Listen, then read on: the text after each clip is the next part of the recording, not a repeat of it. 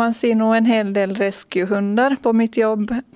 Och jag måste säga att i de flesta fallen så är hundarna friska och de hundar som människor tar är oftast blandraser och, och de har generellt en sund kroppsbyggnad så de har inte de här problemen som man kan ha sen igen med extrem avel. Men eh, visst kan det, jag har sett sådana här exotiska sjukdomar och också olyckor och sådana saker. Vilken risk tar man om man köper en hund via någon av de andra kanalerna, de här trygga hemmakanalerna, finländska uppfödare?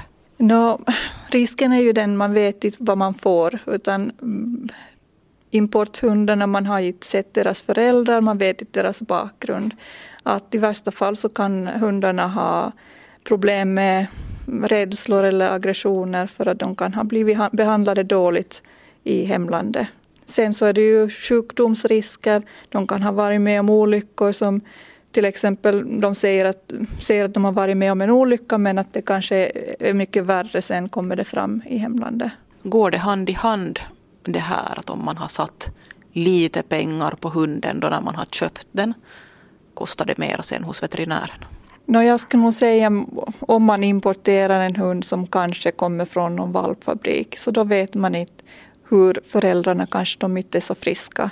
Så visst, det kan innebära sådana oväntade veterinärkostnader. Men jag skulle rekommendera när man skaffar hund och fundera även på att ta en försäkring. För man vet aldrig vad det kommer att kunna kosta.